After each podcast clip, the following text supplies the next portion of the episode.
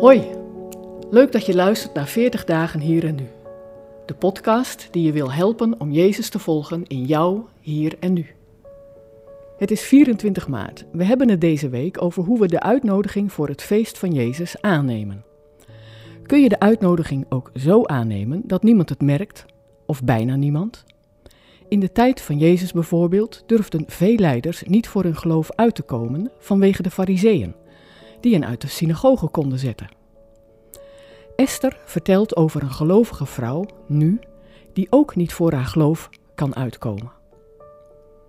Ze komen ons halen. Het is inmiddels een gevleugelde uitspraak geworden in ons huis als er weer eens iets gebeurt wat niet helemaal standaard is. Het is niet helemaal duidelijk wie ze zijn en waar ze ons dan naartoe zouden brengen. De uitspraak geeft iets aan van de spanning die het missionaire werk met zich mee kan brengen. Want soms ben je op het randje bezig van wat nog net wel en niet mag, en wat nog net wel en niet verstandig is. Het is een dun randje. En niet altijd weet je of er moed gevraagd wordt of dat er juist voorzichtigheid geboden is. Veel van de vluchtelingen waar we contact mee hebben staan op hun beurt weer in contact met familie en vrienden in onveilige landen. En daarmee komen hun verhalen ook bij ons terecht. Soms wordt er hulp gevraagd. Waar mogelijk bidden en denken we mee.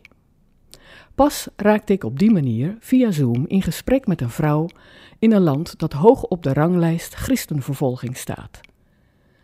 Ze vertelde hoe ze via social media en tv-programma's geïnteresseerd geraakt was in het christendom. Lang zocht ze naar de waarheid. Toen had ze op een nacht een droom. Er was een lange, moeilijke weg die naar het paradijs leidde. Maar daarop was een herder met zijn kudde die een lammetje droeg in zijn armen. Hij zei tegen haar in de droom: Kom mee, ik ben de God die je zoekt. Dat was nu drie jaar geleden. Sindsdien voelde ze dat haar hart zacht geworden was. Ze was de Bijbel gaan bestuderen en gaan geloven. Ze vertelde hoe ze alleen binnen in huis met haar kinderen christen kon zijn, een klein minikerkje. Buitenshuis konden ze het aan niemand vertellen. Dat zou voor haar misschien wel de dood betekenen. Eén grote wens wilde ze met me delen.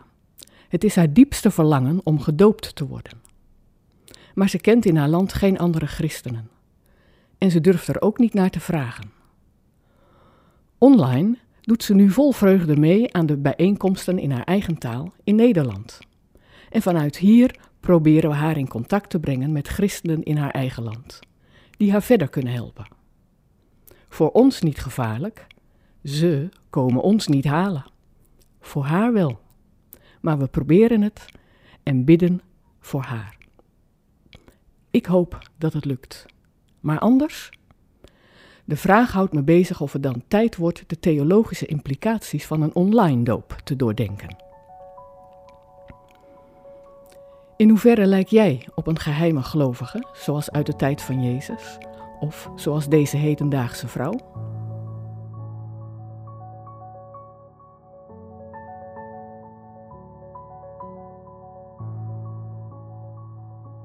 Wil je meer weten over deze podcastserie? Ga dan naar 40 dagen.